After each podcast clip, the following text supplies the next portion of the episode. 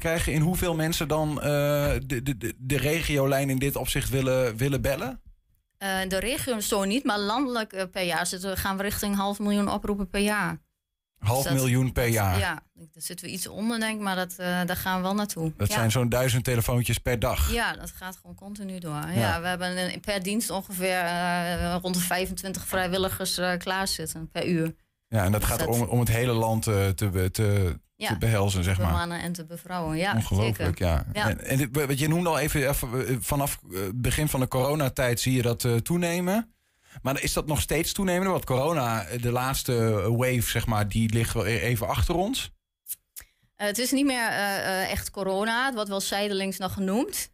maar het is niet meer het hoofdonderwerp. Dat, dat is eigenlijk van alles, van relatieperikelen tot Um, ja, toch mensen alleen zijn, maar ook gewoon hele praktische dingen. Als je opstaat en je hebt het even moeilijk, dat je gewoon vertelt van nou, ik sta op en ik ga een kop koffie zetten. Mhm. Eh, dat je even een stem nodig hebt om, om de dag uh, te beginnen. Uh, of dat je toch echt iets hebt wat je wil bespreken. dus het is eigenlijk, nou ja, je moet dus als vrijwilliger heel flexibel zijn, want je weet het nooit van tevoren. Ja, het lijkt me ook best ingewikkeld dat kan ingewikkeld zijn. Je moet ook goed voor jezelf zorgen. Hè? Want uh, als vrijwilliger krijg je dat natuurlijk wel allemaal uh, over je heen in die zin. Ja. Uh, maar we hebben echt ja, nog steeds fantastische mensen die ook heel sociaal ingesteld zijn. Die dat werk dus ook graag voor een ander over hebben. Mm -hmm. een stukje naberschap, hè, wat hier nog in Twente te vinden is, is, zit wel degelijk bij ons ook onder de mensen. En dat maakt het ook dat als je de drempel over bent en je durft eenmaal te bellen dan bel je vaak vaker. Dan kom je vaker terug. Kun je dan nog kiezen wie, wie je wil spreken? Nee, nee zo allemaal dat anoniem. Ja, ja. Ik ben toch nog even benieuwd ook naar de groei. Hè? Want uh, um, je zegt 25.000 uh, mensen per jaar landelijk. Uh, waar, waar, kwamen we vandaan dan? Wat, wat, Kun je daarover zeggen? Ja, de geschiedenis was natuurlijk uh, dat je af en toe eens in een uur gebeld werd. Hè? Onze vrijwilligers die er heel lang zitten, die namen nog een puzzelboek mee of breiwerk of uh, uit die tijd. Wauw, oké. En de krant, uh, die werd nog gelezen. En, en nu nemen ze niks meer mee, want je hebt gewoon, je, continu wordt er gewoon gebeld. Dus daar zit een hele, heel veel loop in. Ja. Dat is ook wel een beetje zorgelijk als ik dat zo hoor. Dat is wel een extreme toename dan. Ja, maar het wat ook, uh, we worden meer ingezet. Uh, bijvoorbeeld ook door een psycholoog die zegt: Ik zie jou volgende maand op de afspraak. Ja. En in tussentijd, als je het lastig hebt, bel je naar de luisterlijn. Dus we hebben ook een ondersteunende functie. Dus mensen die uh, tussen bepaalde dingen ja, toch even moeilijk hebben. Mm -hmm. Met name s'nachts natuurlijk, wie is dan bereikbaar? Ja. Ehm, dus dat is wel een heel mooi onderdeel daarvan. Dus jullie zijn 24-7 ja. 24-7 in goed Nederlands. Hè? Ja. Altijd bereikbaar. Ja, absoluut. Ja. En dan kom je nauwelijks in een wachtrij te staan. S'nachts is de, is de bezetting minder qua vrijwilligers. Omdat natuurlijk iedereen doet één nachtdienst in de maand. Dus dat, dat, die verhouding ligt wat anders. Ja. Uh, maar we doen zeker ons best om die bereikbaarheid uh, dan ook te bieden. En in de nacht is zijn de bellers uh, wat minder qua aantal. Maar het loopt wel zeker altijd door. Ja, ja. maar misschien ook wel, ik kan me voorstellen, heftiger als er wordt gebeld. Ja, dat hoeft niet per se. Er zijn natuurlijk ook mensen die gaan piekeren, hè, die, die moeilijk in slaap komen. Gewoon even, uh, uh, als je praat, dat lucht op. Dus die uh, praten het van zich af en dan lukt het wel om in slaap te komen. je hebt ook mensen die bijvoorbeeld het ritme een beetje omgedraaid hebben, die, die overdag niet zoveel doen en dan s'avonds wakker worden. dat zijn ook wel een, een stukje van die mensen. Ja. Um, maar met name in de nacht, als je dan alleen bent, dan kan het natuurlijk wel extra binnenkomen. En dat wil niet altijd zeggen dat het dan heel heftig hoeft te zijn, maar gewoon uh, dingen die je bezighouden op dat moment. Ja. Je zei al van die uh, psychologen verwijzen ook naar, naar jullie door. Misschien dat daar ook wat, wat groei vandaan komt. Um, kun je eigenlijk alle mensen helpen? Want het zijn uiteindelijk vrijwilligers die door jou getraind worden. Maar ja, zit er een soort van grens? Uh, we hebben niet echt een grens, maar wel dat wij geen hulpverlening zijn. Wij bieden dus niks behalve het luisterend oor. En dat maakt het ook zo uniek, want um, vaak hebben de mensen al hulp. En die, die zitten daar soms mee, of het loopt soms niet helemaal, of die mensen die hebben daar al, al genoeg aan. Um, en die zoeken zeg maar de extra ondersteuning en de aanmoediging en de, de, de stimulering van de luisterlijn op om het uh, vol te houden. Maar als vrijwilliger hoef je er niks mee. We gaan dus niet doorverwijzen, we gaan niet uh, voor jou uh, mensen benaderen. dat is ook die anonimiteit. Ja. Ehm, maar we moedigen de mensen wel aan om het zelf te doen. Hè? En je checkt natuurlijk wel even als iemand zwaar zit van wat voor netwerk zit daar omheen. Uh, wat zou die kunnen doen? En dat bedenk je dan samen met iemand die aan de lijn uh, ja. ja. Eh, houdt dat ook jou, want als jij mensen opleidt, wat, wat houdt dat dan precies in? Wat geef je ze mee? Zijn dat dit soort dingen? Ja, zeker. En ook bepaalde handvaten. Uh, ja, hoe ga je om met bellers? Maar ook, ook die grens die je net al noemde. Van, hè, als, als iets echt heftig is, hoe zorg je dan dat het beheersbaar blijft? ook voor jezelf. Ja. Dat je daar ook eerlijk in bent. En mensen die een luisterlijn bellen, die weten vaak hè, wat, we, wat ze kunnen verwachten. En als ze meer nodig hebben, uh, ja, dan moeten ze wel bij een ander zijn en niet bij ons. Maar vaak hebben mensen echt genoeg aan een luisterend oor. Die hebben gewoon zo hun hoofd vol zitten en die zitten zo uh, vol met alles wat, uh, wat ze bezighoudt. Ja. En door te praten gooien ze even de emmer leeg en dan kunnen ze weer even verder. Ja, ja, ja. Ik vind toch nog wel, als je die, die toename dan zo hoort, dat je denkt van heeft dat, als, je, als je zoekt, hè, de, mhm. corona is het, heeft het toegenomen. Ja. Je ziet ook in deze tijd uh, nou ja, mensen met armoedeproblemen toenemen. Ja. Dat soort dingen. Wat, wat, zijn dat ook eh, factoren die ja, alles komt bij ons aan de lijn. En het is uh, grappig als je dienst doet, dan hoor je vaak het nieuws eerder door de bellers dan dat je het zelf hebt gelezen. Ja. Um, dus de, ja, mensen moeten heel flexibel zijn. Je weet nooit wat je krijgt. Hè. Die telefoon gaat, je pakt hem op. Mm -hmm. En uh, ja, het kan uh, van iets heel leuks tot iets grappigs zijn, tot iets heel verdrietigs, tot iets heel heftigs. Maar die heftigheid valt over het algemeen best wel mee. en dat maakt het ook dat je het aan kan. Want anders dan wat vier uur crisis wel heel erg lang uh, voor jouzelf om dat vol te houden. Dat is gelukkig niet zo. Wat zijn, uh, zijn er dingen die jullie bij de luisterlijn nu al opmerken... dat je denkt van nou, daar gaan we over, uh, over weken, maanden... misschien nog wel wat headlines van zien voorbij komen... aan problemen die mensen hebben? Ja, de, de armoede, wat je net zei, de, de, de energieproblemen... mensen die hun rekeningen niet kunnen betalen... daar zit toch een hoop schaamte voor je daarover praat. We merken wel dat dat nog eigenlijk te weinig een onderwerp is aan de lijn... terwijl het er wel is. Ja.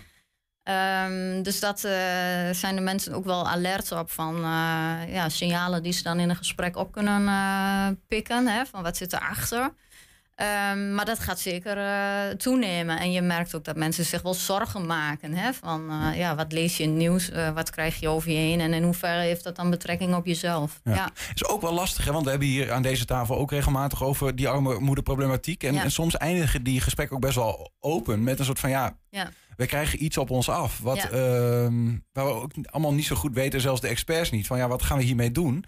Dan, dan neem je zijn telefoon op en luister je naar iemands gesprek. En dan is het ook gewoon zo van ja, ja. Dit, dit, is het. Het is ook zorgelijk. Hè? Ja. Ehm, ja, hoe bescherm je jezelf dan om niet met een soort van ja, gebogen hoog naar, naar huis te gaan uh, na je shift? Nou, na elk gesprek uh, vul je even kort een formulier in. Uh, ook voor onze cijfers, hè, van wie heeft gebeld. Is het een man, is het een vrouw? Een, een, een grove inschatting, leeftijd, uh, gespreksonderwerpen. dat helpt wel om het uit je hoofd even weg te krijgen. Je, je typt iets, je schrijft iets van je af. Ja. Um, op het moment dat je de telefoon neerlegt, is het ook een soort letterlijke afsluiting van het, het is klaar. Hè? Zo werkt dat vaak bij jezelf ook als je een telefoongesprek voert. Uh, en wij zorgen natuurlijk wel heel goed voor onze vrijwilligers. Ze zijn nooit alleen en er is altijd een achtervang. En wij hebben intervisies uh, zes keer per jaar waar je met een groep bij elkaar komt. Um, dus is er iets wat heel bijzonder is of wat je heel erg raakt, dan kun je altijd ergens terecht. En daar zijn we heel uh, zorgvuldig in naar de vrijwilligers toe. Want zoek je een bepaald type, als je, want jullie zijn wel op zoek gewoon naar een extra luisterende oor, zoek je, zoek je een bepaald type mens? Nou, eigenlijk wel. En ik vind uh, een van onze vrijwilligers vertelt het fantastisch. Die zegt: Ik ben een bevoorrecht mens. En vier uur in de, in de week geef ik aan een ander. En wie dat ook is, maakt me niet uit. Iedereen is welkom. En na die vier uur trek ik de deur dicht en heb ik het geluk dat ik verder kan met mijn bevoorrechte leven. En ik denk dat dat een hele mooie omschrijving is. Dat je iets over hebt voor een ander. Uh, dat je uit het oordeel weer te blijven. Hè? Want je vindt vaak overal wat van. Dat is natuurlijk aan, aan zo'n lijn niet handig. Je mhm. moet echt proberen om oordeelloos daarin te staan. En um, ja, als je dat kunt en je hebt dat gevoel, dat sociale gevoel, en, en uh, je hebt ook interesse in mensen, dan zit je bij ons wel op de goede plek. Wat gebeurt er met die gegevens eigenlijk die jullie... Is, is, is, is nog iets van... Uh, wordt het nog landelijk gebruikt om nog te kijken wat voor tendensen er zijn of iets? Nee, alleen de, gewoon de platte cijfers. Hè? Hoeveel mannen hebben gebeld, hoeveel vrouwen, welke problematieken, uh, hoeveel procent. Uh, dat wordt daar wel uitgehaald. Maar verder aan zich niet. Ook omdat het anoniem is, kun je er verder ook niet zoveel mee. Ja, snap ik, ja. Nou, de uh, mensen die jullie willen bereiken, die kunnen ergens terecht, denk ik, op... Um... www.deluisterlijn.nl Ook als je vrijwilliger ja, mee wil doen. Ja, er staat een aanmeldformulier. En ja. uh, dan komt het vanzelf terecht waar het wezen moet. Hebben we nog iets van een bemoedigend woord ter afsluiting... voor mensen die dit gesprek hebben gehoord en denken... nou, ik kan wel wat bemoediging gebruiken? Nou, gewoon probeer het uit. Ik sta echt voor mijn mensen en dat zijn echt fantastische mensen. En ik ben overtuigd als je eenmaal gebeld hebt... dat je een fijn persoon aan de lijn krijgt. Wat is het nummer? Dus doen. Nog één keer het nummer van de luisterlijn. We weten die uit ons hoofd. Zoek het op, luisterlijn.nl. 0800, dat zijn we geworden sinds kort. Ja. En dan wordt het uh, 0... Moeten we even... Gaan... Ik, ik ben er nu mee bezig. Uh, Woord erg. Uh, eens even kijken, hier staat 0880767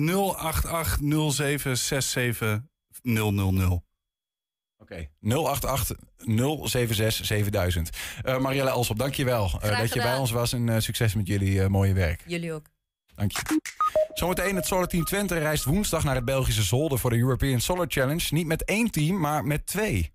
En we zijn ook als podcast te luisteren. Via alle bekende platforms vind je hele uitzendingen. En je kan ook bij 120 vandaag uitgelicht iedere dag één item uitgelicht krijgen. 120. 120 vandaag. Niels. Ja, Mion. Je loopt wat moeilijk vandaag. Moet je dat benadrukken hier op de zender? Ja. nou ja, ik, denk, ik benoem het toch maar. Want ja. kijk, uh, wij, wij gaan allemaal onze eigen weg uh, uh, in het weekend. Maar jij kwam wel terug en jij, je strompelde wat. Ik denk, nou, die heeft goed gefeest. Ja, nee, niet. Dat, maar ik heb wel een rondje hard gelopen. Oh? dat is een rondje om de stad Enschede. Dat doen ze ieder jaar hier. En dat noemen ze de singelloop. Aha. En hoe was dat? Leuk. Maar ook zwaar. Ja, dus, was het echt zo zwaar? Ik heb, uh, ja, dat was voor mij wel pittig. Uh, maar goed, daar kom ik zo wat verder op. Want ik heb ja. wat dingen opgenomen gisteren toen ik, uh, toen ik heb gelopen. Dus misschien is het leuk om straks even te laten zien. Maar laten we eerst eventjes een algemeen beeld van de singelloop in Enschede. 25e editie. Gisteren.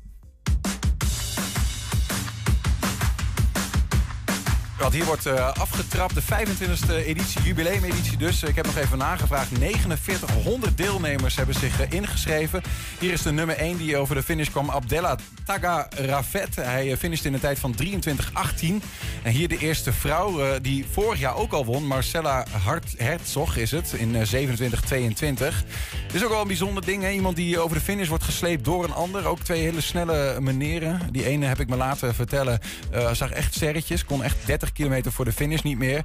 Ja, dit is altijd een, een, een bijzonder beeld bij de singeloop. De Kids Run. Je moet je voorstellen, 2000 kinderen doen, uh, doen mee. Het is echt van jong tot oud. En die kinderen worden ingedeeld in vier groepen, geloof ik. Even uit mijn hoofd. 1, 2, 3, 4, 5, 6, 7, 8. Hè, de basisschoolgroepen. En ja, zoals je hier ziet, dan valt er eentje. En dan zijn die kinderen echt als genoes.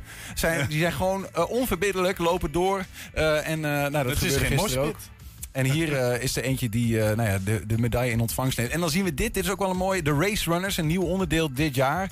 Uh, ongeveer 25 jongeren tot de 18 met een beperking die meedoen op een speciaal voor hen gemaakte fiets met borststeun.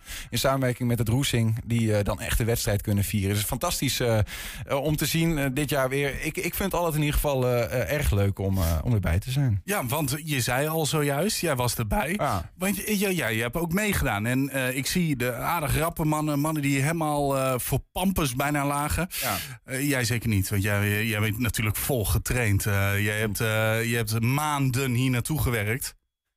Ja, Nee, ja, zoals je mij uh, net hoorde zeggen, het was uh, pittig. Ik heb op een of andere manier, ja, hier zie je mijn uh, before-foto. samen met mijn vriendin Anne Wil ben ik hier nog, nou, niet helemaal gelukkig. Je ziet het, hè. Mijn, mijn, ja, kwiek, toch ook wel in enige zorgen over wat mij te wachten staat. Maar je moet je voorstellen, elk jaar zeg ik weer opnieuw, ik ga, het is acht kilometer, hè. Dus ik, ik zeg nou, elk jaar opnieuw, ik ga trainen. En dat lukt dan niet echt. Dit, vorig jaar dacht ik, oké, okay, de 25e jubileumeditie, ik ga echt trainen en kijken wat er echt in zit. Is niet gelukt. En um, mijn hele singelloop ging ongeveer zo. Loop eens even een stukje met me mee.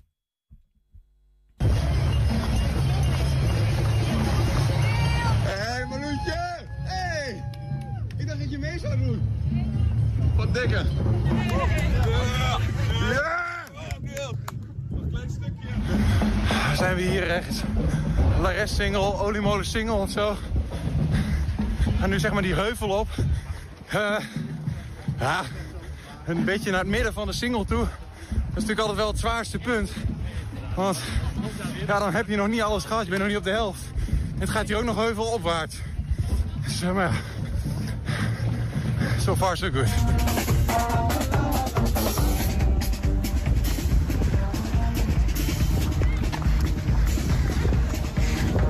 Als je kunt zien, de boulevard komt eraan.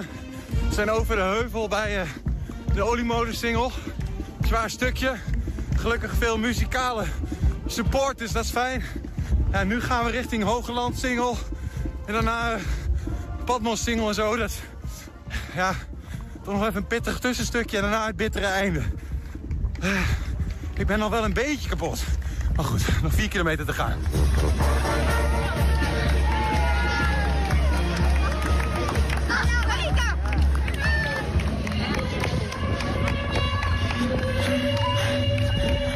Singel.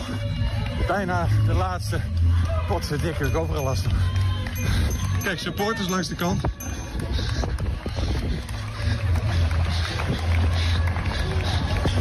Single is altijd verraderlijk met de singelloop.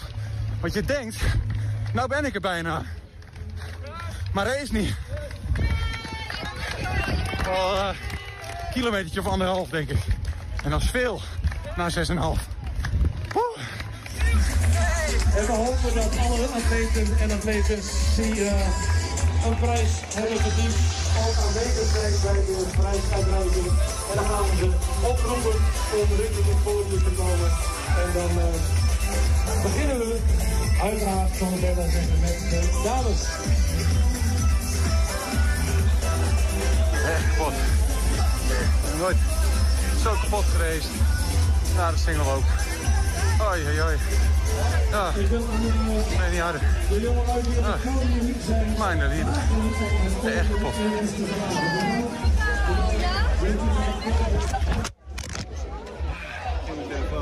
Dat is weer leuk. En misschien tot volgend jaar. Ja, ik, heb, ik hou even slag om de arm hier. Want ik dacht eerst, als ik nou zeg tot volgend jaar, dan word ik er weer op vastgepind straks. Maar je zag nog, mijn telefoon viel nog uh, op de grond. Een klein barstje in mijn scherm. Alles voor uh, de Alles views. Maar, maar Niels, ik dacht Ja. dat jij fitter was dan vorig jaar, joh. Uh, ik, ik ben wel lichter, maar blijkbaar niet fit. En ik weet niet wat het is. Ik hoorde meerdere mensen zeggen het is wel een beetje benauwd en zo. Maar hey, je ziet hier de afterfoto. Hè, weer met mijn vriendin samen. En het, het allerergste is nog... Ik heb, uh, dit is de twaalfde keer dat ik meedoe. Al die jaren ben ik uh, sneller dan haar geweest. Dit is het eerste jaar. En ja, ze heeft me gebied. Ja, ik had uh, 50 uh, minuten 40 seconden en zij 50 minuten en 20 seconden. Dus uh, ik nou heb ja, dan, afgelegd. Dan ga ik jou volgend jaar ook meemaken als dat zo makkelijk is. Ja, ik heb nog één foto even om het uh, nog af te maken hoor. Want dit is toch wel. Het, het, de singellopen is, is eigenlijk veel meer dan alleen maar dat, dat die hardloopwedstrijd is. Nou ja, geen bijzaak. Maar het is vooral het festivalsfeertje wat eromheen hangt. Echt een Enschede's evenement in het Volkspark. Allemaal mensen nog na de tijd die gezellig nog wat naborrelen en weet ik veel wat. Eh, eh, fantastisch Even- feestje weer. Volgend jaar, sorry. Ja. Ja, even snel nog. Wat, wat was jouw snack toen je klaar was? Wat heb je genomen? Uh, oh, gewoon zo'n zo'n banaantje, dingen die ze dan aanbieden en een uh, flesje. Oh, geen met, uh, churros voor jou? Nee, nee, nee, nee. Nee, nee volgend jaar op uh, zondag 10 september 2023, uh, de 26e editie. Doe mee. Ja, er gebeurde meer in Enschede dit weekend. En wat dacht je bijvoorbeeld van Gogbot, het festival voor creatieve technologie? Straks een terugblik daarop. 120. 120 vandaag. Solar Team Twente maakt zich op voor de European Solar Challenge aankomend weekend. Het team heeft een eh, eer hoog te houden. Vorig jaar werd eh, de Solar Challenge Marokko gewonnen. Een alternatief voor de wereldwijde wedstrijd die normaal in Australië wordt uh, gereest. Woensdag vertrekken de studenten van UT en Saxion naar het Belgische Zolder om de Europese titel binnen te rijden. The Earth is being challenged with a global warming world. We're exhausting our sources. These facts can't be ignored. That's why we stand and conquer to develop for efficiency. Sun energy is never depleted. Thus, it's the future for mobility. We don't believe in growing older. Before we can start a change, instead, we like to experiment with innovation in exchange. Ja, we zijn hier op uh, circuit Zolder. Uh, we zijn hier uh, de European Solar Challenge. European Solar Challenge is een challenge van 24 uur lang.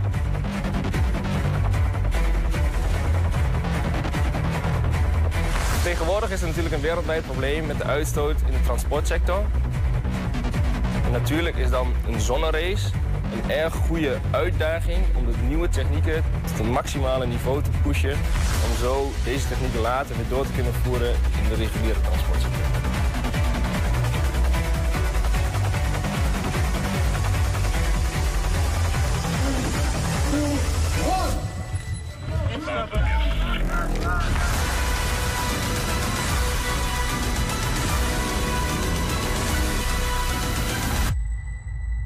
Ja, prachtig stukje trailer. We praten nog even verder met de teammanager Kirsten Bouwman. Welkom. Ja, dankjewel. Leuk dat je er bent. Zijn jullie er klaar voor? Ja, ja, ja, we zijn al heel druk bezig geweest met de voorbereidingen. Ja, dat eh, geloof ik. Ja, ja, woensdag gaan we weg en dan eh, kunnen we nog niet heel veel meer doen. Dus eh, Nee. Maar eh, heel veel van jullie doen dit gewoon eh, fulltime, toch? Ja, allemaal. Allemaal? Ja, 21 eh, fulltime studenten. Ja. En dan is het eh, voor deze eh, lichting is, is het European Solar Challenge verhaal is gewoon datgene waar het moet gebeuren? Of gaan jullie ook nog weer naar het wereldwijde toneel? Ja, we gaan ook nog weer naar het wereldwijde toneel. Dat is in Mhm. oktober 2023. Ja. Dus dat is in Australië weer, hopelijk dit jaar. Daar zetten we wel op in. En ja, de European Solar Challenge, dat valt eigenlijk heel mooi ertussenin... om even lekker goed op te starten met een soort kickstart eigenlijk. Ja, maar wel een soort van eerste stresstest weer, denk ik, voor de auto. Eh, ja, ja, niet alleen voor de auto. Ook voor nee, jullie ook als voor het team. team natuurlijk. Ja, Ja. ja. Nee, ja, we zijn eh, vorige week maandag begonnen met het huidige team. Dus eh, we hebben ook nog maar één week gehad eigenlijk. Oh joh. Dus ehm, ja, die stresstest is ook al over ons heen gegaan. Ja. Maar nee, wel echt superleuk. Ja, Gewoon meteen aan de bak in Zolder. ja, ja. Ja, en dat is ook wel een reden waarom het tweede team ook eh, erbij is hoor. Oké, de- die, dat zijn al ervaren mensen, of hoe moet ik dat zien? Ja, ja, dit zijn nog hele enthousiaste en betrokken oude teamleden. ja. ja. En die, Die, nemen eh, jullie op sleeptouw. Ja, ja onder andere. Maar ze, hebben, ze rij- gaan ook zelf racen. Dus eh, met de auto van eh, 2017. Dus ja, dat eh, is alsnog ook een strijd natuurlijk. Ja, ja. Maar de, maar de auto van 2017 maakt geen kans meer, denk ik, toch dan? Nou, of de auto van 2019 bedoel ik Sorry, trouwens. 19, ja. 19. Nou, ja, dat eh, zullen we nog zien. Oké, maar je gaat dus jezelf beconcurreren, soort of. Ja, nou ja, onder andere. Ja, maar vooral de rest natuurlijk. Oké. En, eh, als je nou kijkt, eh, Marokko 2021, ehm, eh, de winst. Ik wil niet zeggen hardop coronadiploma, maar het is toch even anders dan Australië. Maar het was gewoon voor het Solar Challenge, voor het Solar Team Twente, was het gewoon eindelijk op het wereldtoneel winnen. Ja, Is dit dan niet eh, appeltje eitje in België? Nee, nee, het is een hele andere, het een hele andere race. Eh, het is op een circuit, dus eh, normaal gesproken, waar we eigenlijk een auto op ontwerpen is op Australië. En in Australië maken we één of twee bochten en verder is alles rechtdoor. Ja. En op een circuit is dat natuurlijk heel anders. Dus we gebruiken eigenlijk een auto die geoptimaliseerd is voor Australië. Maar daarmee gaan we wel op een circuit rijden. Mhm. Dus dat geeft gewoon een hele andere race met zich eigenlijk. Ja, ja. En ik, hoor, ik zie in de video zeggen dat het gaat om 24 uur lang rondjes rijden en dan kijken wie het meeste rondjes kan rijden. Ja, klopt. Ja, de zon schijnt niet 24 uur lang. Dus, eh, en terwijl je in Australië rij je eigenlijk alleen als er zon is. Ja. En is ja, hier ja. dus ook s'nachts. Hoe doe je dat dan? Heb je zo van een batterij waar je dan toch opslaat? Of moet, kan je soms gewoon niet rijden ook? Ehm, nee, er is wel een, eh, een batterij. En waar, bij Australië mag je die alleen aan het begin opladen. En nu mag je ook tijdens de race opladen. Oh ja. Dat is denk ik, de, eh, wat in de video wordt ook wel gezegd. Hè, we zitten met wereldwijde uitdagingen. Zonne-energie zien we steeds meer gebruikt worden. Ja. Dat is wel een van de problemen, toch? Het opslaan van, van, van energie, zeg maar, op, een efficiënte manier. Ja, ja, zeker. Ja, daar zijn we ook heel erg mee bezig. Want dat, eh, ja, dat heeft natuurlijk wel meer te maken met eh, ook een race winnen. Maar ja, de efficiëntie van hoe je met die energie omgaat... is ook heel belangrijk eh, om dit soort races goed te kunnen spelen. Ja. Hoe waar kom je eigenlijk allemaal van? Wat, ik, wat studeer je zelf bijvoorbeeld? Jullie zijn allemaal studenten. Ja, ja ik studeer zelf Industrial Design Engineering aan eh, de universiteit hier. Mhm. Eh, maar we hebben ook van Saxion mensen. En ja, eigenlijk is het heel erg ja, multidisciplinair. Dus we hebben echt van alles wat. En eh, ja, iedereen kan gewoon doen waar ze goed in zijn, wat ze willen leren. Ja. Waarom doe je mee? Waarom ik meedoe? Ja? Ja, ik vind het gewoon echt een onwijs gaaf project. En ja, het is ook duurzaamheid, dat gaat wel echt hand in hand met wat ik heel interessant en heel leuk vind. En vooral in combinatie met mobiliteit. Mhm. Dus ja, daarvoor is het gewoon een uitgelezen kans. En ja, ik hou ook wel van wedstrijden en een beetje die mindset. Dat is wel eh, heel erg eh, ja, wat ik heel leuk vind. En dat is gewoon een perfecte combinatie. Alles komt samen in het, eh, in het SOAR-team. Ja, als je het dan hebt over de duurzaamheid, hè, die, die uitdagingen van de toekomst en dan zo'n solar team. Wij zien het altijd en het, het lijkt een speeltje van, van, hè, van de studententeams, van de UT, Saxion, maar ook van Delft, van Eindhoven, op andere, Mhm. soms in andere categorieën. Maar in ieder geval, ehm, is het, is het eh, meer dan dat? Als in, nemen jullie ook innovaties mee naar de eh, wereldwijde echte automarkt? Ja, zeker. Ja, wij werken samen met heel veel partners, 170 partners. En die, ja, het is een samenwerking, dus het gaat twee kanten op. Mhm. Dus op die manier eh, krijgen wij input van onze partners, maar ook andersom. En zo ja, stimuleren we die innovatie heel erg. Voorbeeld En- van?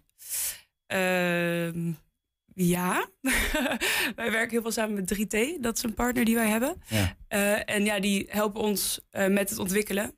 Dus dat is gewoon een hele leuke samenwerking van zowel de studenten als de partner. Ja, maar ook andersom gezegd, zeg maar, van als wij zien wij technieken die jullie uitvinden, en misschien niet alleen in Twente, maar ook in andere, die andere teams, zeg maar, zien we die Ja. terug in de auto's, in de, op de daken, ik weet het niet. Heb je daar Zeker.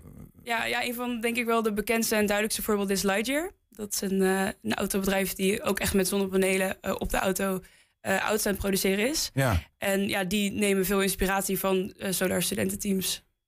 in Eindhoven zit dat. Ja, dat is Gaan er gewoon met onze kennis vandoor. En niet alleen met onze kennis en ook zeker niet met al onze kennis. Ja. Maar eh, ja, uiteindelijk ja, hebben we ook wel, we strijden natuurlijk onderling, maar we hebben uiteindelijk wel het doel om de mobiliteit te verduurzamen. En dan gaan we niet eh, alles vrijgeven natuurlijk. Maar ja, het- ik- ja, iedereen vindt het hartstikke mooi om te zien dat er eindelijk in wordt geloofd Ja. in zonne, zonneauto's. Heb je in die anderhalve week dat je, want je doet zelf ook nog maar anderhalve week mee. Ja, Heb je in die anderhalve week al ehm, eh, voor jezelf dingen geleerd, dingen gezien waarvan je zegt, pff, gewoon, eh, ik ben nu al, ik zit er al helemaal in. ja, ja, zeker. Ja, het is zo'n enorm project. En eh dit, zoveel kennis en zoveel kennisoverdracht. En ja, het is gewoon heel indrukwekkend om te zien hoe groot het is. En eh, ja, dat maakt het echt superleuk. Hoeveel mensen gaan er naartoe, naar Zolder? Naar Zolder, ja, Ja? vanuit... Nee, ik bedoel in België dan? Dat ja, ja. ja, dat is natuurlijk ook wel een verschil. Eh, ja, wij gaan met het hele, hele nieuwe team, dus 21 man. En van het, eh, het, ja, de oude betrokken teamleden, eh, ja, heel afwisselend op welk moment ze komen. Maar in totaal komen er ook echt 35 mensen of zo. Dus Nou ja, die zijn wel, het ook eh, nog niet verleerd. Dus die Nee, nee, nee, nee. Nog wel zin Het is in een klein leesje. familie is het, eh, geloof ja. het. Je hebt, eh, eh, je hebt in jullie team allemaal mensen die proberen om de wereld een beetje beter te maken. Ook met het maken van deze auto's. Eh, heb je ook echt het gevoel dat het werkt? Dat, dat mensen hierop aanslaan op deze elektrische auto's? Eh, ja, ja. Zonne-energie, sorry. Ja, ja, zeker. Ja, in Nederland zitten we misschien ook wel een beetje op een slecht stukje aardbol. Maar, ehm, Qua zon. Ja, qua Ja. zon. ja, dus Ja, nou ja, dat, na afgelopen zomer kun je dat bijna niet meer zeggen trouwens. Nee, ja, nee, ja. maar dat, ja, is dat een goed teken? Dat is dan weer een tweede vraag. Ja. Maar eh, ehm, ja, bijvoorbeeld bij, eh, bij die Lightyear-auto's, als je, als je daarmee in California rijdt, hoef je maar een aantal keer per jaar te laden. En dat scheelt gewoon, dat lost al zoveel problemen op. Dus ehm, ja, zeker veel vertrouwen in dat eh, dit soort voorbeelden inderdaad ook echt wel eh, goed, eh, goed zijn. Ja. Ja, ongelooflijk eigenlijk. Hè? De, de, de- dat, dat dat er gewoon aan zit te komen. Dat we eh, in een auto stappen die zijn energie van waar dan ook haalt. En eh, daarmee gewoon eh, hups gaat. Ja. Ik zit in één keer te denken, want er zijn op- op de UT natuurlijk veel meer van dit soort. Hè? Je hebt eh, mensen die een waterstofauto maken, elektrische auto's. Je hebt nog een eh, bootrace op zonne-energie en nog eh, fietsen of motoren. Zijn er al. Klopt. De, racen jullie ook wel eens tegen elkaar? Nee, nee, nee. Dat wordt ook wel ingewikkeld. Denk ik tenminste, wij gaan niet het water in. en een boot Nee, gaat ja, niet dat, het dat land op. klopt. Dat klopt. Maar Maar- eh, eh, nee, we, we hebben wel contact onderling en we helpen elkaar ook wel met het delen van informatie wat we elkaar zou kunnen helpen. Of eh, met partnerschappen en zo. Dus we Ja. werken wel samen. Maar het race tegen elkaar is er nog niet van gekomen. Lijkt me best geinig om te zien eigenlijk. Ja. Hey, en terug naar, of terug of vooruit naar aankomend weekend in België, European Solar Challenge. Hoeveel kans maken jullie daadwerkelijk? Want je zegt altijd, wel echt een ander soort race dan in Marokko of in Australië. Ja. Maak je kans?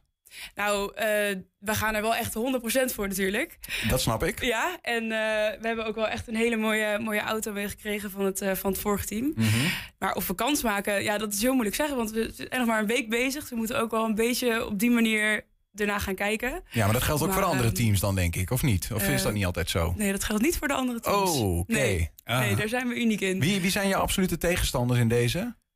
Ja, Ja, in principe iedereen. Iedereen heeft, eh, die kan echt heel onverwachts uit de hoek komen. En Ja. de reglementen worden ook elke keer weer een beetje aangepast. Dus iedereen ziet die aanpassing weer op een andere manier. Dus ja, we moeten gewoon iedereen in de gaten houden, natuurlijk. Oké. En vooral de eigen solo-team, eh, het andere team zeg maar, die moet je het meest in de gaten houden, lijkt me toch. En anders Ja, maar die, die hebben heel eventjes gewoon op een van de goed- baan. goed zo. hart voor ons natuurlijk. Dus, eh, Geloof ik, ja. En dan Ja. maar volgend jaar dus met z'n allen op naar Australië. Ja. En eh. Ja, nou ja, ik wil, nee, eigenlijk is dat te vroeg om te zeggen. Maar eh, hebben jullie goede kaarten voor die wedstrijd? Of is dat echt nog helemaal andere, ja, over een jaar pas? eh, veel, te veel, veel te ver van tevoren om dat te zeggen. ja, dit is echt nog veel te ver van tevoren om daar echt iets over te zeggen. Maar aan de mentaliteit zal het niet liggen. oh, Dus, dat is een eh, mooie, mooi slotantwoord. Dat heb je in ieder geval nodig. Ja. Eh, en eh, misschien eh, om, om nog één vraag te over, want wa- waar race je liever? Eh, op een circuit in Zolder of op een, eh, een eenzame weg ergens in Australië? Wat denk je zelf? Eenzame weg in Australië. Tuurlijk man. Lekker toch? ja, maar ik wil het toch van hun horen, Niels. Ja, maar het heeft ook te maken met de zon. Want het wordt dit weekend niet het mooiste weer. En eh, ja, dan test je de technologie op een hele andere manier dan wanneer je wel die zonne-energie binnenkrijgt. Ja, toch toch gewoon een jerrycantje Gewoon- benzine mee. Ja, gewoon meer mogelijkheden. en dat is gewoon leuk. Ja, veel plezier dit weekend, eh Kirsten Bouwman. Leuk dat je bij ons was. En, eh, en, en met alles wat komen gaat, hou ons op de hoogte. Ja, nou, dankjewel. En eh, keep our eh ere hoog, uh, Solar Team Twente. Ja. Maak ze, ik geef ze van katoen en water, stof en zon en zo. In zon, ja. Hartstikke bedankt. Zometeen bekijken we een uniek portret van rond 1850. Daarop is te zien hoe de Jacobuskerk in Enschede van voor de stadsbrand. Eh, en dat is mogelijk de enige afbeelding eh, wat daarvan is. 120. 120 vandaag. Vier dagen Gokbot in Enschede zitten erop. Het jaarlijkse festival op het gebied van multimedia, kunst, muziek en technologie had dit jaar het thema From Solarpunk to Metafuck. Ja, daarmee wilde de organisatie bezoekers laten nadenken over hoe onze toekomst eruit gaat zien. En ze bewust maken van de effecten van de hedendaagse technologie. Zowel de positieve als de negatieve.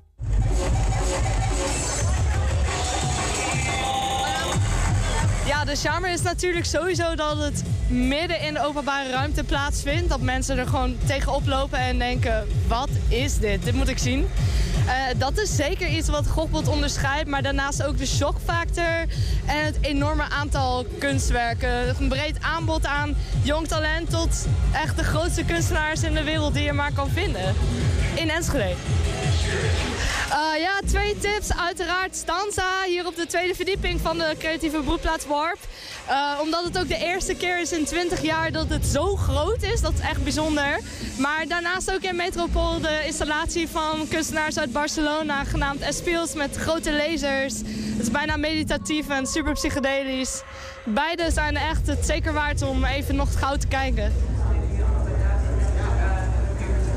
Het gaat hier om de zogenaamde Nemesis-machine. Alles wat wij hier zien, dat is alles aangestuurd door data. Dus het bewust maken en het visualiseren van data. Iedereen, dus jullie ook met jullie filmteam hier, zijn onderdeel van deze installatie. En we gaan mensen hier trekken met een trackingsysteem, maar we gaan natuurlijk niks opslaan. Dat is alleen het bewust maken van er bestaat altijd data. We zijn hier in staat binnen dit gebouw en binnen deze installatie dus eh, te kijken welke mobieltjes zijn op dit moment hier om ons heen. Heel veel mensen, vooral jongeren, weten niet wat ze eigenlijk alles aan data leveren.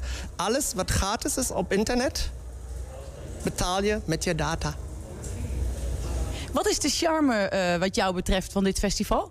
Nou, het charme is eigenlijk dat wij zoveel internationale kunstenaars hier laten tentoonstellen, maar ook lokale kunstenaars, dus ook de youngbloods, dus studenten die net zijn afgestudeerd, om hun werken te laten zien. En wij eh, denken natuurlijk ook dat we in de toekomst heel veel nieuwe dingen en interessante dingen van hun krijgen hier te zien.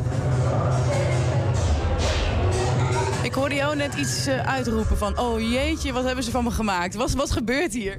Ja, geen idee. Ze maakte een foto. Ik moest echt een tijdje stilstaan. En ehm, nu zijn ze bezig met het tekenen. Maar wat er ook tot nu toe getekend is, het is best wel klein. Maar het is, ik weet ook niet of het op me lijkt. Maar ik vind het wel echt heel gaaf. Wat ik ken van Gogbot van vorige jaren is voornamelijk ja, voor mij best wel vaag. Maar ik kom hier elk jaar weer gewoon om te genieten van wat mensen hebben gemaakt. Ja, ik vond het gewoon een heel vette zeg maar, weerspiegeling van wat de toekomst misschien zou kunnen brengen voor ons, zeg maar. Van, dit voelt allemaal best wel futuristisch en zo, maar tegelijkertijd kan het ook allemaal al. En eh, ja, het is gewoon wel vet om dat ineens zo voor je te zien of zo. Die kunstmatige intelligentie die, die ik net zag, kan alleen maar wat hij kan omdat hij zo ontzettend veel data heeft, weet je wel. Wil ik mijn data aan dat soort programma's geven? Dat, dat vind ik nog steeds een lastig vraagstuk. Maar ja,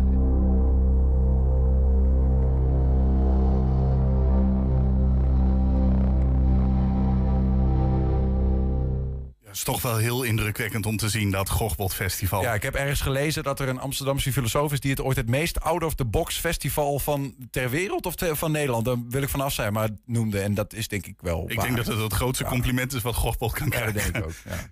Heb je een tip voor de redactie? Mail dat dan even naar info.120.nl 120. 120 vandaag. Fenna Verbeek. Die naam zegt je hoogstwaarschijnlijk niets. En dat is ook niet zo gek. Ze werd geboren in 1784 en stierf in 1863. Het was je buurmeisje niet, hè, zullen we maar zeggen.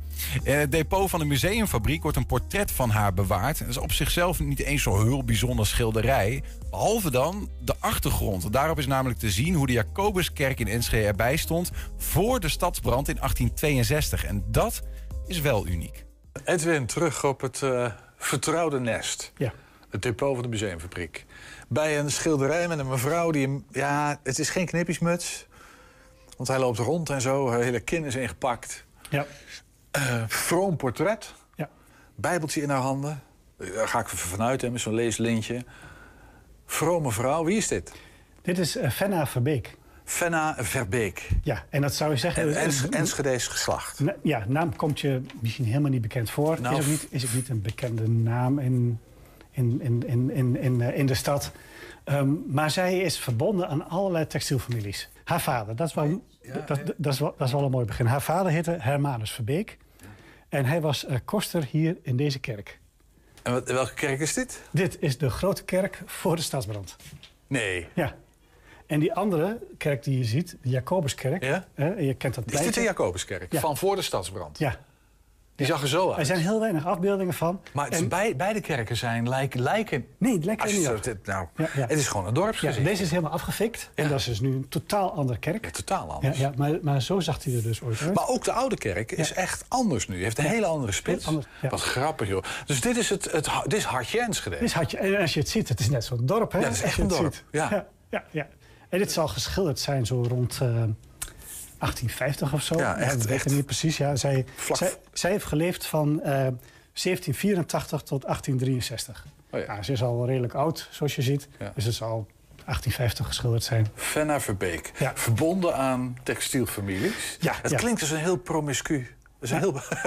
Oh, Ja, ja. Nou, ja, haar vader, wat ik net zei, die was koster van deze kerk. En eh, haar vader is de laatste persoon die hier in deze kerk begraven is. Oh, echt? Ja, en ja, hij is een dag te vroeg begraven, want namelijk waar hij echt zou begraven worden die dag, was het verboden vanaf dat, dat moment om, om eh, begraven te worden in kerken. Eerlijk. Ja. Dus dat was de laatste. Eh, eh, Hermanus Verbeek en Christina Visser kregen vijf kinderen, Ja. waaronder Fenna. En zij is getrouwd met Abraham Ledeboer. Kijk, Kijk, Van daar- het park. daar- daar- nou, nee, nog niet. nog niet. Nee, ik nee. ben te vroeg. Je bent te vroeg, hè? want ik heb het hier over de Abraham Ledeboer van 1780 tot 1841. Nee, sorry, hadden we nog geen park. En Hadden we nog geen park nodig. Eh, En zij gingen samenwonen eh, op de, ja, het gebouw heette De Klomp. Dat is op de plek waar nu de Zara is, bij het Van Heekplein. Oké, daar. Precies waar die Zara was, Ja. nu is, daar woonde zij vroeger. Oké. Ja. Nou, een, prominente familie. Belangrijke familie. hè? Ledenboer, ja, Ja. ook predikanten en hè, ja, bijbeltje. eh, eh, predikanten en, en, en, en handelaars en heel goed aangeschreven. Ehm, zij kregen zeven kinderen. Maar als je dus doorgaat kijken, doorgaat, dan... eh, zij kregen een zoon, die heette Abraham Ledenboer. Eh, die kreeg weer een zoon, die heette ook Abraham Ledenboer. Eh, die kreeg weer een zoon, die heet Abraham Ledenboer. En die kreeg weer een zoon, die heet Abraham Ledenboer. En die is van het park. We hebben het over vijf of zes, ik ben de tel kwijt. Ja, ja, ja. Maar zoiets. Ja. Ja, zoiets. Dus zij is wel de overgroot, over, over, overgrootmoeder van... Van de eh, Abraham Ledenboer van- naar wie het park vernoemd is. Ja. Oké, maar dus een, een Fenna eh, Verbeek, verbonden op allerlei manieren met al die textielgeslachten. Met een op de achtergrond Enschede van voor de stadsbrand. Ja, als een dorp. We hadden inderdaad nog een- geen parken nodig. Ja. Maar van wie is dit schilderij nou dan? Van Bruna.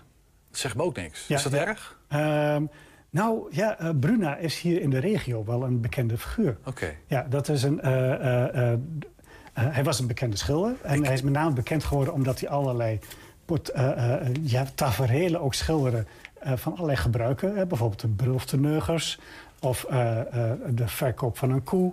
Eh, eh, Echt een streekschilder. een streekschilder, maar hij heeft ook alle notabelen eh, heeft hij geschilderd. Hè. Dus, dus een van de portretten. We hebben meer portretten van hem in de, in de, in de collectie. En Bruna was de eerste fotograaf die zich vestigde in Twente. De eerste, oké, de eerste- eerste foto. En we hebben het over, dat is dan eind eh, 19e eeuw. Ach- ergens. 1862, met de stadsbrand, ging zijn atelier in de fik. Plus alle schilderijen die daar Ja, op dat moment nog waren. En eh, direct daarna is hij wel door gaan schilderen, maar heeft hij zich ook op de fotografie toegelegd. Oké. Ja, dus heel vroeg eigenlijk dat hij. En er was de eerste, er waren voor tijd al een paar fotografen. Er waren van die rondreizende Ja. lui en dan kon je eh, en, dan trokken ze weer verder. Maar hij was de eerste die zich vestigde als, als fotograaf. Zo, maar dat is echt een heel vroeg stadium. Dus Enschede had al heel vroeg Ja. een, fotograaf. vakfotograaf. In een... Ja. Oké. Mooi man. Dus, eh, dus ook wel, de, de, de maker is ook nog wel een leuk verhaal. Ja, nou, Ja. de- de- misschien moeten we dat verhaal nog een keer vertellen. Ja. Maar goed, vandaar dit schilderij. Ja, wat ik heel bijzonder vind is inderdaad dat plaatje van Enschede. Ja, dat, dat, heel dat, maakt het, mensen... dat maakt het natuurlijk dubbel. Hè? Want, want we kregen dit schilderij van wil je, dat, wil je dat dan hebben? Nou, ik vond het beter in de collectie van de Autokamer passen. Eh, die hebben meer schilderijen van Bruna. En dan heb je die figuur die dus nou ja, op allerlei mogelijke...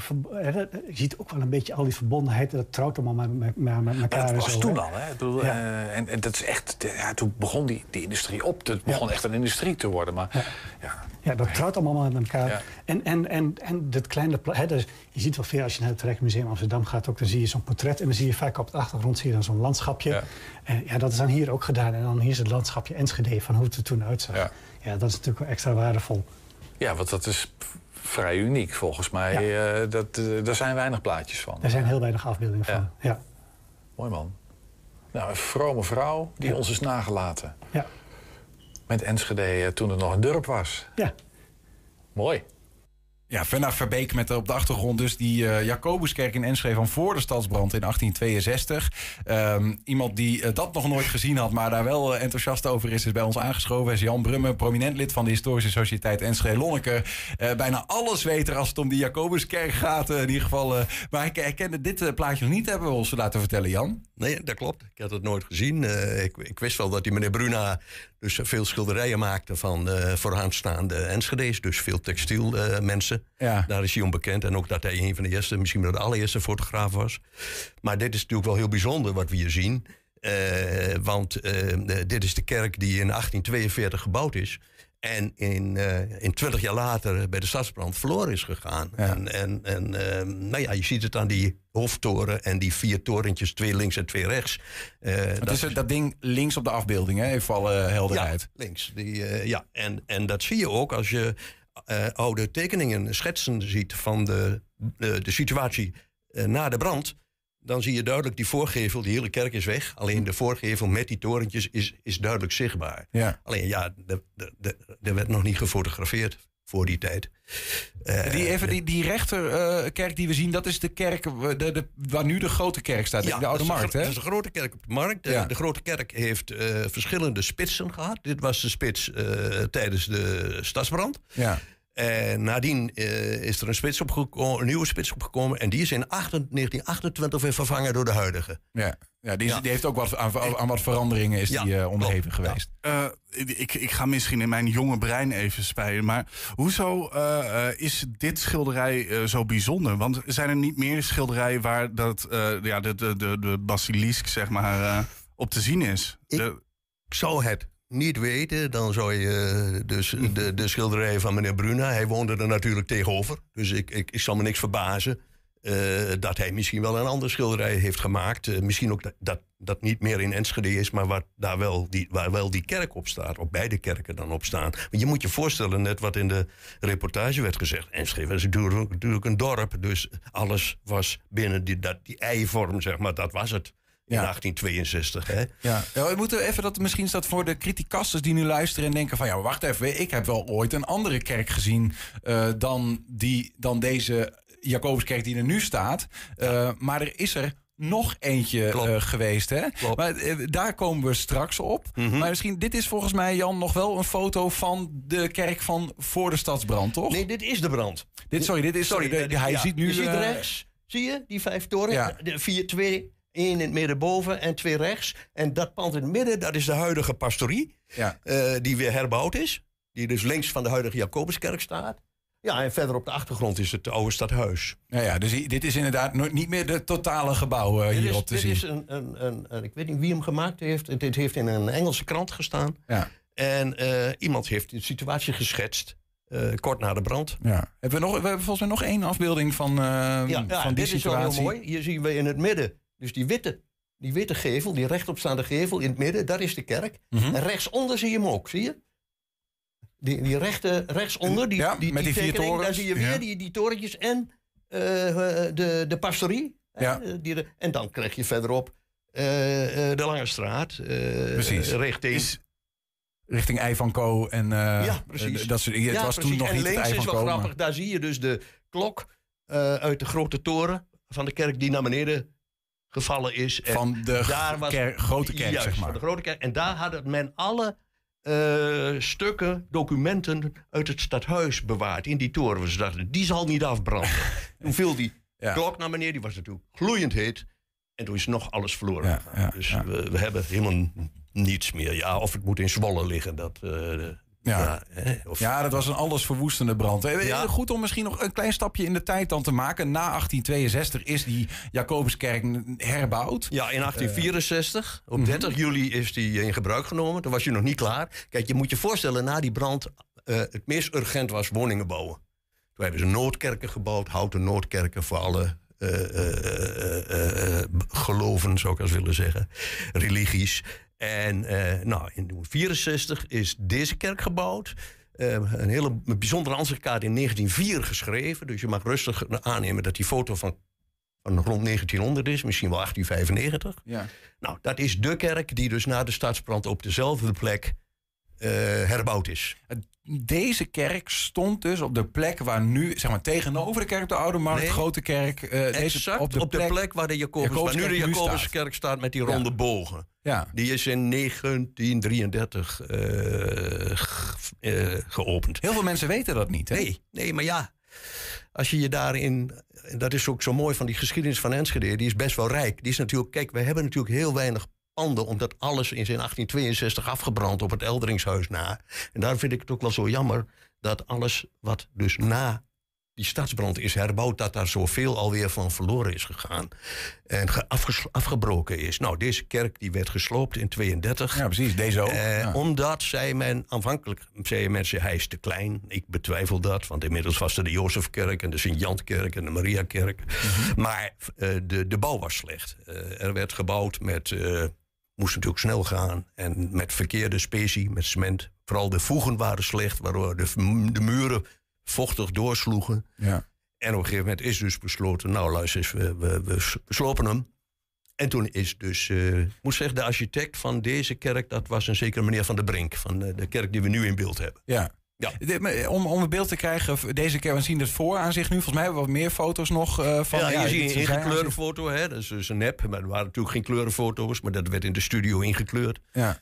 En, en links zien we dan even voor de, voor de kijkers. Ja. eh, links zien we waar, waar nu eh Copa zit. Daar nu ja, een, eh, heel, heel lang heeft daar eh, restaurant. Stolker gezeten en, en de VVV nog in dat pand, links op de hoek. Hoe groot is deze? Want precies op die plek, maar we weten nu bijvoorbeeld ook... Dan ehm, kun je het goed zien, hè? Ja, hier kun je het ook goed zien. Dat even ook de verhouding van deze kerk die er stond... eh, in verhouding tot de grote kerk... Lijkt wel bijna even groot. Ik denk dat hij even groot was. Je, eh, kijk, ehm, eh, dus die, in die tijd dat die kerk he- herbouwd werd, dat was de enige katholieke kerk Mhm. in Enschede. Dus alles wat eh, aan katholieken in Enschede woonden, eh, moest daar naartoe. Kijk, die, die oude kerk was natuurlijk vroeger de katholieke kerk. Ja. Hè, en eh, ja, dit is natuurlijk wel heel goed te zien, want ik weet niet of die foto ook in beeld komt. Ik heb, deze foto is gemaakt vanaf de in aanbouw zijnde toren van het stadhuis. Mhm. In eh 1933, 32, 33. En, en ik heb toevallig, toen heel toevallig heb ik de toren beklommen met de Open, open Monumentendag een paar jaar geleden. En daar heb ik precies dezelfde opname gemaakt. En dan zie je een kleurenfoto uiteraard. En dan zie je dus dat die kerk met die twee torentjes, waar we het nu over hebben, dat die vervangen is eh, door eh, de, de kerk. En de rest van de panden eh, op de voorgrond, die zijn er allemaal nog. Ja. Ja, ik weet niet, we hebben er één foto van een nieuwe situatie. Misschien is dat de, die foto die jij eh beoogt. Misschien kunnen we die laten zien. De afbeelding 7, de, de laatste afbeelding, hebben we die? Ja, ja, ja Kijk, precies. Eh, dit is hem. Je ziet, de, eh, kerk is, is, is, is veranderd en, en natuurlijk de achtergrond. Hè. Dit, dit is eh, 2017, deze foto gemaakt heb. Nou, dit is exact eh, puur toeval hoor. Maar wel fraai natuurlijk. Sorry, dit is toeval dat jij Dat foto, maakte? Ja, ik wist, kende die vorige nog Jij, niet. bent niet, jij hebt niet naast Nee, dezelfde, nee, de andere nee, ernaast gelegd. en- Wat grappig. ja, ik kende die vorige nog niet. Oh joh. En eh, ja, en dan zie je dat, dat dit eh, precies... Ja, ook van de stadhuistoren, waarvan die vorige woord ook, ook gemaakt is. Hè? Hey, en Jan, ik, misschien een gewetensvraag. Eh, moet ik het je helemaal niet stellen? Dat weet ik niet. Maar als je nou moet kiezen, hè? Kerk 1, 2 of 3? Jacobuskerk. Nou, laat ik beginnen om te zeggen dat ik dit heel mooi vind. Maar ik vind de oude van 1864 vind, vind ik mooier. Ja, dus de, Heeft voor, de meer- vorige versie. Heeft, meer, heeft ja, voor mij meer sfeer. Maar dit is natuurlijk ook een schitterend ontwerp. Laten we eerlijk zijn. Maar goed, eh, dat is een beetje een nou ja, persoonlijke voorkeur. Hè? Is eh, misschien een, een, een, een, rare vraag, maar is, is het dat er in de toekomst eventueel daar nog een, een andere kerk of zo zou komen? Is dat, is dat ook iets wat zou kunnen? Ik vermoed het niet. je moet zien, eh, Enschede had een stuk of acht, negen katholieke kerken. Er zijn er nog drie van over. Deze, de Jozefkerk en de Sint-Janskerk. En, en, en zelfs die lopen zondags niet meer vol. Ja. Eh, dus nee, dat gaat niet gebeuren. Bovendien, ik, denk, ik vermoed dat die kerk en ook de oude kerk zo solide gebouwd zijn. Die zullen niet omvallen, bij wijze van spreken. Dat, eh, nee. Ja, en deze zal wel nog een tijdje gebruikt worden, Absoluut. ook voor de eredienst, denk Absoluut. ik. Hè? Ja, want Ja. dit, Ja, een van de eerste eh, die gebruikt werd. Ja, ja. Laten we blij zijn dat, die, dat we dit hebben. Mooi Jan, dankjewel voor eh, je, je toelichting bij eh, de, de evolutie van de, van de Jacobuskerk. En overigens, eh, ja, we hebben nog, we hebben nog, ik, ja, we hebben nog We- twee we minuutjes. we- we hebben nog twee minuutjes, want, even. Ja. want je vertelde nog een bijzonder verhaal over de maker van, eh, we hadden natuurlijk aan de hand van dat portret van, van Fenna hadden we dit gesprek. Waar de Jacobuskerk in vroegere tijden op te zien was. Gemaakt door ehm, meneer Bruna. Bruna, ja. En, en daarvan hebben jullie ook wat bijzondere werken Ja, eh laat ik zo zeggen. Kijk, die meneer Bruna die had op een gegeven moment heeft hij een fotostudio eh, geopend eh, aan de Achterstraat. Dat is de huidige Stadsgravenstraat. En die meneer die portretteerde, portretteerde eh, welgestelde dames. En daar werd dan een zogenaamde carte de visite van geprint. En dat waren vergelijkbaar met het formaat van de huidige visitekaartjes. Maar daar stond dan op de voorkant de mevrouw in kwestie. En ook wel mannen trouwens.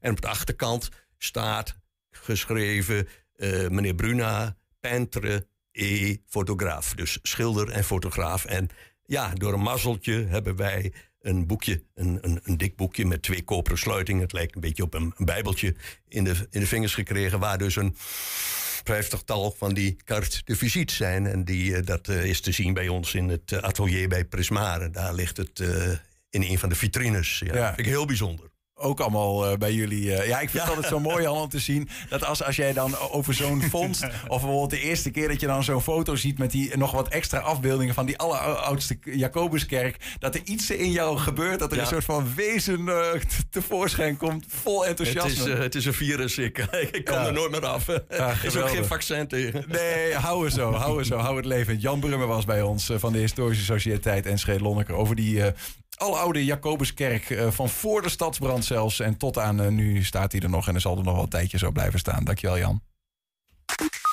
Tot zover ook 120 vandaag. Terugkijken, dat kan direct via 120.nl. Vanavond om 8 en 10 zijn wij ook op televisie te zien. Zometeen kun je op de radio gaan genieten van Henk Ketting met zijn ketreactie. Veel plezier en tot morgen. 120. Weet wat er speelt in Twente. Van 5 uur. Goedemiddag. Goedemiddag, ik ben Bas van Halderen. Het kabinet werkt aan een plan voor mensen die hun energierekening niet meer kunnen betalen. Dat meldt de NOS. Als ze dreigen afgesloten te worden, betaalt de overheid hun rekening, is het idee. De regeling geldt alleen voor mensen die net een nieuw contract hebben afgesloten of het binnenkort nog moeten doen. Tot nu toe gaat alleen Transavia in op het verzoek om vluchten te schrappen vanwege de drukte op Schiphol. Twee gaan er vanavond niet door.